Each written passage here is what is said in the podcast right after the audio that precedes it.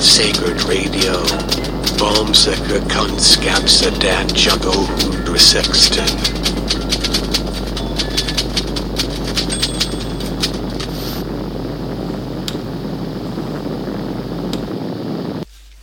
Hej kära lyssnare. Det här är Jesper Grip och här följer en liten uppföljning på avsnittet om att förutsäga framtiden. Det finns ju många som vill förutsäga framtiden på massa olika eh, bättre och sämre vis.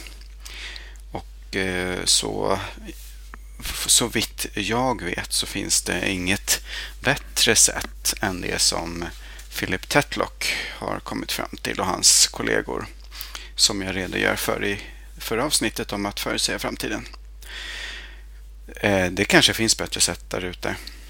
Men vad jag vet så är deras det bästa. Det finns som sagt väldigt många olika. Eh, och eh, ja, det, jag tänkte att jag skulle ta upp ett av dem idag eh, för att se lite grann på förtjänster och eh, eventuella problem med det.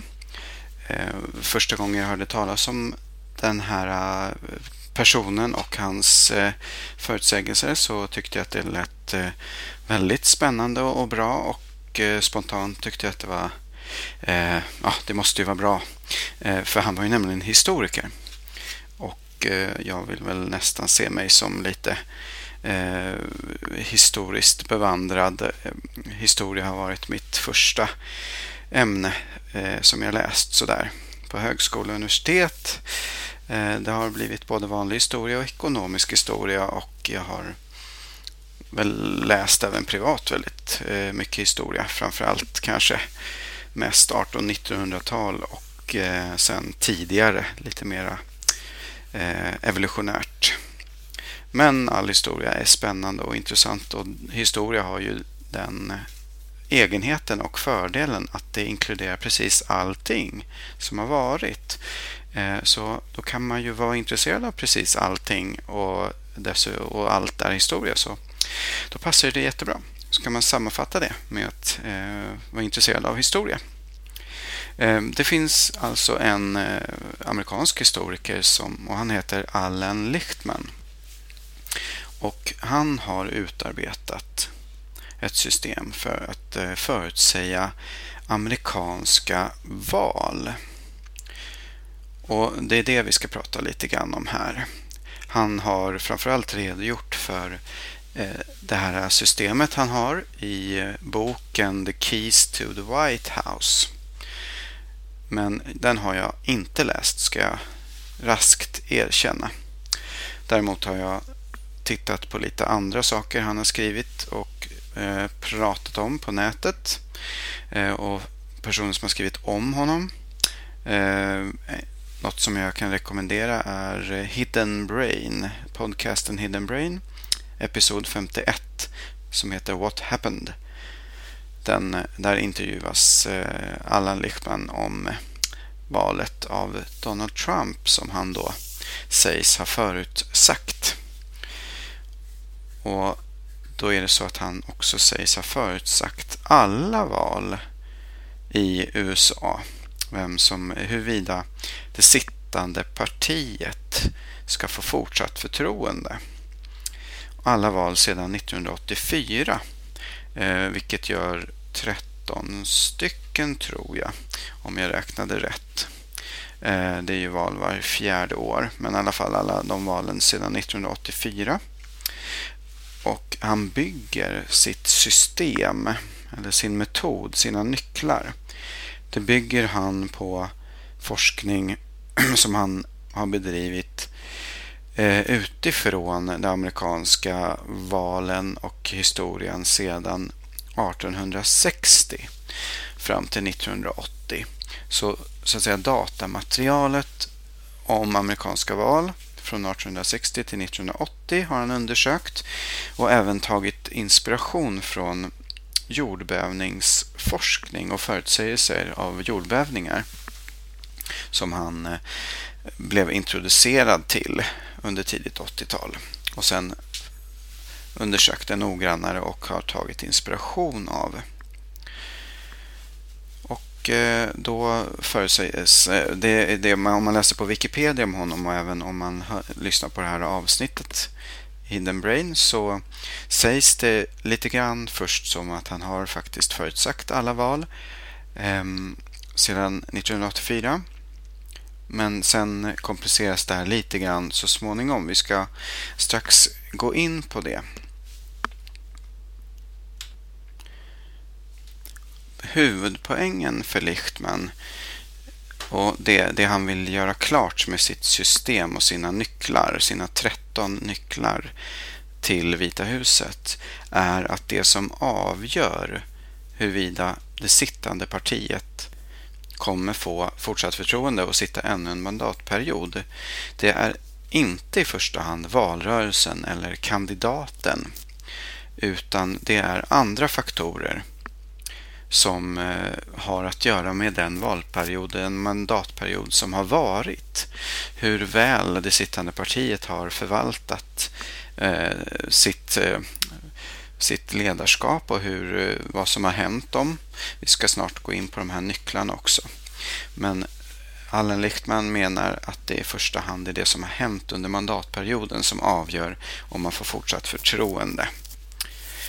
Ehm, och Det första vi kan konstatera kring det här, eh, apropå att förutsäga framtiden, är ju att ehm, förutsäga amerikanska val, det är ju en väldigt smalt utsnitt av verkligheten om man jämför med eh, Tetlock och hans alla adepter och deras förutsägelser som handlar om nästan precis vad som helst. I första hand någon typ av politiska samhällstilldragelser som har eh, betydelse för säkerhetspolitiken. Men um, egentligen vad som helst handlar deras förutsägelser om.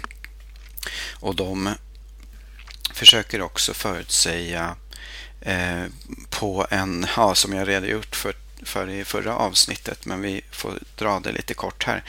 Eh, den typen av förutsägelser som Tetlock eh, vill propagera för, det är att ge väldigt noggranna förutsägelser om exakt vad det är man förutsäger, under vilken period förutsägelsen gäller och man sätter en siffra, en procentuell sannolikhet på hur chanserna eller riskerna för det man vill förutse är att det ska inträffa. I Lichtmans fall här så handlar det alltså om att förutsäga amerikanska val och hans fråga är, alltså så valet, det handlar ju om valet, det är en begränsad tidsperiod, det är själva valet som han förutsäger. Exakt vad det är han förutsäger, det är inte 100% solklart, vilket framkommer när man eh, undersöker lite noggrannare. För det han börjar med att säga är att han förutsäger huruvida det sittande partiet alltså ska få fortsatt förtroende. Sen visar det sig när vi går in på lite noggrannare att eh, valet 2000, år 2000, då förutsade han att eh, det skulle vara Al Gore, är det va? Som eh, skulle kamma hem valet. Men så var det ju faktiskt inte utan det var ju George W. Bush som vann. Och det var ju efter eh, en eh, turbulent period där man räknade röster och det fattades bara några hundra och det var massa röster som räknades bort och nu kommer jag inte riktigt ihåg allt som hände. Eh, men det här eh, var ju en väldigt speciell situation och där kan man då säga att han eh, faktiskt inte förutsade rätt. Och det andra han förutsade men eventuellt inte förutsade, det var nu det senaste valet 2016 där han förutsade att Donald Trump skulle vinna. Men det är här oklarheten kommer in. För att det var ju faktiskt så att Donald Trump förvisso blev president och fick flest elektoratröster. Men det var ju också så att Hillary Clinton vann Eh, rösterna om man räknar eh, hur folket har avgivit sina röster. Då fick ju hon faktiskt majoritet. Och då här blir det lite svårt och då kan man ju som Lichtman faktiskt också gör, hävda att han har förutsagt korrekt. Eh, men eftersom det inte är riktigt 100% såklart vad det är han förutsäger så, ja, så är det svårt att säga huruvida det faktiskt var en korrekt förutsägelse eller inte. Och den sista faktorn som, han, eh, som skiljer sig från Tetlocks förutsägelsesystem det är att han inte ger några procentuella sannolikheter utan han säger helt enkelt att den ena eller det andra partiet kommer att få flest röster och bli omvalda eller alternativt nyvalda. Så det är tre stycken skillnader men likheten är då, eller två skillnader. Det som är eh, likhet är att han avgör, eh, angör en noggrant specificerad tidsperiod. Innan vi går in på eh, hur hans nycklar är formulerade, det vill säga alla hans ehm, frågor han vill att man ska besvara för att komma fram till om det sittande partiet blir omvalt eller inte. Så ska jag säga att det var nio val och inte tretton. Eh, jag var tvungen att eh, rådfråga mitt inre och kom fram till att det var nio val, tretton nycklar och nio val som han då först påstås ha förutsagt. Men egentligen är det då kanske sju val som han faktiskt har förutsagt eh, korrekt. Eh, nycklarna är alltså 13 stycken. Jag läser dem till på engelska och översätter eventuellt vissa ord. Den första nyckeln, han vill att, och då ska man svara ja eller nej då. Och det gäller för det sittande partiet, huruvida det gäller eller inte. Och då är det första nyckeln så här. After the midterm election, the incumbent, incumbent party, det vill, det vill säga det sittande partiet, holds more seats in the US House of Representatives than it did after the previous midterm election. Ja eller nej? Nummer två är There is no serious contest for the incumbent, incumbent party nomination. Och nummer tre är The incumbent party candidate is the sitting president. Ja eller nej? Nummer fyra. There is no significant third party or independent campaign. 5. The economy is not in recession during the elect election campaign. Number 6. Real per capita income economic growth during the term equals or exceeds means mean growth during the previous two terms. Och nummer sju, the incumbent administration affects major changes in national policy. 8. There is no sustained social unrest during the term. 9. The incumbent administration is untainted by major scandals. Nummer 10. The incumbent administration suffers no major failure in foreign or military, military affairs. 11. The incumbent administration achieves a major success in foreign or military affairs. 12. The incumbent party candidate is charismatic or a national hero. Och nummer 13. The challenging party candidate is not charismatic or a national hero. Det var hans 13 nycklar som man då ska svara ja eller nej på. Och om man får fler ja än nej så ska då alltså det sittande partiet bli omvalt. Och får man fler nej än ja så ska utmanande partiet bli invalt. Detta detta kan man läsa sig till lite noggrannare om man vill. Då kan man ta och eh, skriva in polyvote, P-O-L-L-Y-V-O-T-E.com så hittar man det. Eller så söker man helt enkelt på hans namn så kommer ni strax att hitta det. Och det var alltså hans 13 nycklar för att förutsäga valet.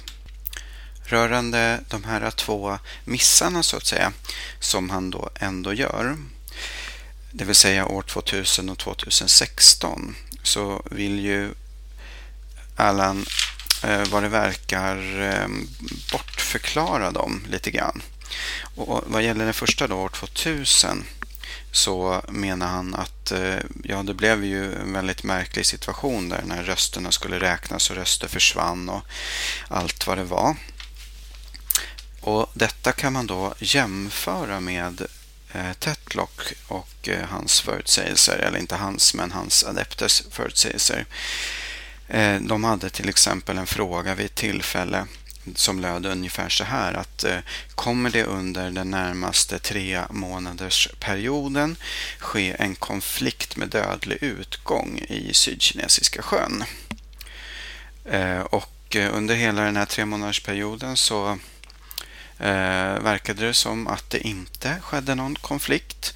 Men precis mot slutet, sista dagarna, så var det en fiskare som, Eh, som miste livet eh, och, det gick att ändå att betrakta som en eh, konfliktsituation.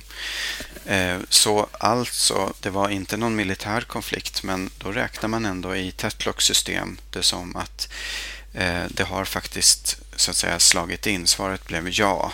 Det skedde en konflikt som ledde till ett dödsfall. Ehm, och sådana här små saker som man kanske egentligen inte vill räkna in då.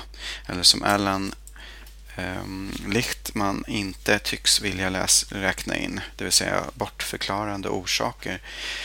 Det är såklart någonting man måste fundera lite grann på hur man ska eh, värdera det. Självklart är det inte samma sak att en fiskare eh, mister livet av någon eh, mindre allvarlig anledning som att det sker någon typ av regelrätt militär konflikt. Det är ju två helt olika saker och det är ingen som förnekar det. Men om frågan är ställd så att kommer det ske en konflikt som resulterar i minst ett dödsfall? Ja, då var svaret ja på den frågan.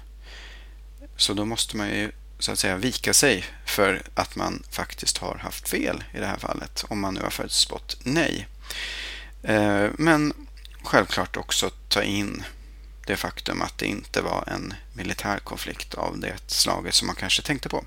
Och då kanske man måste omformulera frågan på något vis till nästa gång man ska förutsäga. Eller så. Men det, det är såklart en eh, fråga om eh, värdering och ja, något man måste fundera på.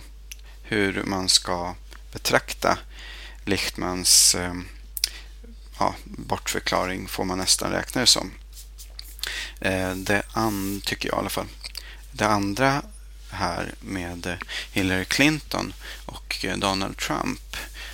Där blir det ju mer problematiskt på det sättet att det poängterar just bristen i Lichtmans eh, noggrannhet. Att han ställer, inte ställer sin fråga tillräckligt noga. Eftersom man då kan vinna antalet folkliga röster men ändå förlora för att elektoratrösterna ges till den motsatta kandidaten. Ehm, och här vill eh, Lichtman lite bortförklara det genom att säga att ja, men förr i tiden fram till 2000 någonting då följde de populära eller de folkliga rösterna och elektoratrösterna de följdes åt så att eh, de blev samma. Eh, men ja, så kanske det var. Men det poängterar åtminstone att det är viktigt att eh, ställa frågan nog så man vet vilken fråga det är man besvarar. Är det vem som blir president? Och i sådana fall är det ju elektoratrösterna. Eller är det antalet folkliga röster? Eller är det på något vis någonting annat? Det är ju viktigt att helt enkelt noga definiera sin fråga för att veta huruvida svaret är på den frågan eller på en annan fråga. Lichtman är ju kanske vad man skulle kunna betrakta ehm, just en sån expert som eh, Tetlock själv undersökte och började sina undersökningar med eh, på 80-talet och som höll på fram till det tidiga 2000-talet, 2005 ungefär. Sådana experter eh, som förutsäger olika saker men till skillnad från de experterna som i mångt och mycket inte var bättre än slumpen så finns det ju mycket som faktiskt är bättre med Lichtman och hans system. För det första så är det väldigt noga formulerat och han har förklarat vad det är han bygger sitt system på. Det är redogjort för och han ger argument för det och han förklarar hur det statistiska och andra analyser går till för att komma fram till det hela. Han eh, ger hyfsat, eller det är ju ganska klara, även om vi har några problem här med klarheten i frågorna så är ändå eh, förutsägelserna väldigt klara i jämförelse med många andra förutsägelser av experter som kan vara lite hit och dit och är väldigt oklara och kan tolkas nästan hur som helst. Eh, så Lichtmans förutsägelser är ändå förhållandevis klara. Det måste man verkligen säga. Och han får dessutom direkt feedback och ehm, man ser vad han eh, har förutsagt och huruvida det stämmer eller inte. För det är problemet med många andra expertförutsägelser. Eh, att man faktiskt aldrig kollar upp huruvida det de förutsade stämde eller inte. Utan de ger förutsägelser som är oklara i sina ordalydelser så de kan tolkas Eh, så att man kan få rätt nästan oavsett vad som händer. De ger inte någon eh, tidsgräns som är noga beräknad och eh, det undersöks sällan huruvida det de säger faktiskt stämde eller inte. Så hur skulle man kunna sammanfatta Lichtman då? Jag skulle vilja säga så här. Hans system är väl underbyggt. Dock är det lite oklart hur han har kommit fram till alla de här 13 punkterna de här 13 nycklarna. Hur kommer man fram till att det är dessa 13 nycklar eh, som man måste använda, varken fler eller färre. Han bygger det hela på den historiska datan där från 1860 och framåt. Men hur kommer han fram till de här 13 punkterna och är det verkligen så att alla dessa punkter alltid måste vara med? Eller borde det finnas ännu fler punkter? Jag måste självklart slänga in brasklappen här då att jag inte har läst hans bok där han redogör för detta. Så att eh, det kan hända att han ger väldigt bra förklaringar till de här 13 punkterna och att det måste vara just dessa 13 punkter och att dessa 13 punkter gäller för alla val och även under den här långa tidsperioden. Eh, han har ju många rätt. Han har ju sju av nio rätt. Så det är ju långt bättre än slumpen i alla fall. Eh, men där har vi ju såklart också det här med eh, slumpens infall och regressionen mot medelvärdet. Det vill säga att någon som förutsäger saker och många förutsäger samma, samma händelser så måste ju några rätt och andra fel. Och någon kommer alltid ha rätt många gånger i rad. Och många kommer ha fel alla gånger i rad. Eh, men någon har rätt alla gånger i rad allt som oftast. Det behöver inte nödvändigtvis betyda att man också eh, är rätt ute, att det, det inte handlar om slumpen. Men det kan faktiskt vara så att det här handlar om reell kunskap och eh, att hans 13 nycklar är tillräckligt väl underbyggda för att man ska kunna säga att det här handlar om reell kunskap och inte om slumpen. Som sagt är det ett eh, smalt urval. Det handlar ju bara om val i USA. Man skulle kunna tänka sig att eh, man tog hans punkter och översatte dem på något vänster så att de eh, gällde för andra länder. Och då kunde man kanske testa hans system. Eh, möjligtvis eh, behövde man då eh, förändra vissa punkter eller kanske till och med ja, ändra systemet lite grann så att det innehöll inte exakt 13 punkter utan kanske 14 eller 11 eller någonting sånt. Som gick att tillämpa på ett stort antal länder.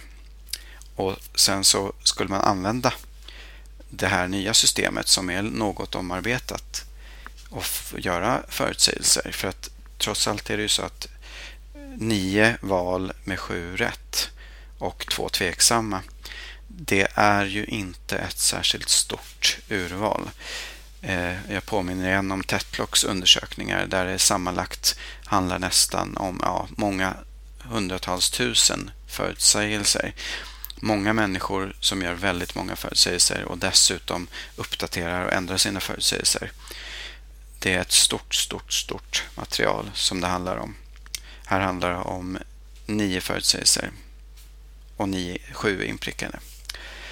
Det går inte att dra allt för stora slutsatser på det här lilla materialet. Men man skulle alltså kunna tänka sig att om man gör om systemet och anpassar det för flera länder så skulle man kunna testa det i lite större skala eh, för att se. Och då måste man självklart också just göra detta med att eh, förtydliga vad det är egentligen man förutsäger. Perioden är ju oftast såklart klar. Det gäller ju valet. Men vad är det man förutsäger? Och eh, vad avgör huruvida man har rätt eller fel? Men ja, som sagt, det kunde ju vara någonting att bita i för någon som skulle vara intresserad av att skapa ett eh, system för att förutsäga val just. Och summa summarum så gör ju Lichtman inte eh, Eh, några påståenden om att han försöker förutsäga någonting annat än just amerikanska val. Och eh, det finns i alla fall eh, saker som talar för att eh, det handlar om att hans punkter faktiskt är vettiga. Det ligger stor kunskap bakom så att hans förutsägelser just handlar om kunskap och eh, rimliga Eh, bakgrundsfaktorer för att förutsäga den här frågan och inte bara slumpen. Men man måste ändå hålla möjligheten öppen för att det skulle kunna vara slumpen. Men ja, vi skulle vilja hoppas att det inte är så. Eh, och vill någon ta upp den här kastade handsken och utveckla ett system för att förutsäga val i eh, massa länder så vore det Eh, jättespännande och intressant att eh, veta och det kanske är något vi får eh, höra talas om i framtiden. Så med det så avslutar vi dagens eh, lilla uppföljning på eh, avsnittet om att förutsäga framtiden. Vill man eh, lyssna på annat som jag säger så skulle man kunna lyssna på podden som jag har tillsammans med min kompis Niklas Kristersson. Eh, namnet på den podden är 50 meter från byggnaden. Och så får man gärna titta in på min lilla blogg som heter ärdetsäkert.blogspot.com Och då tackar vi för idag och på återhörande. Hej då!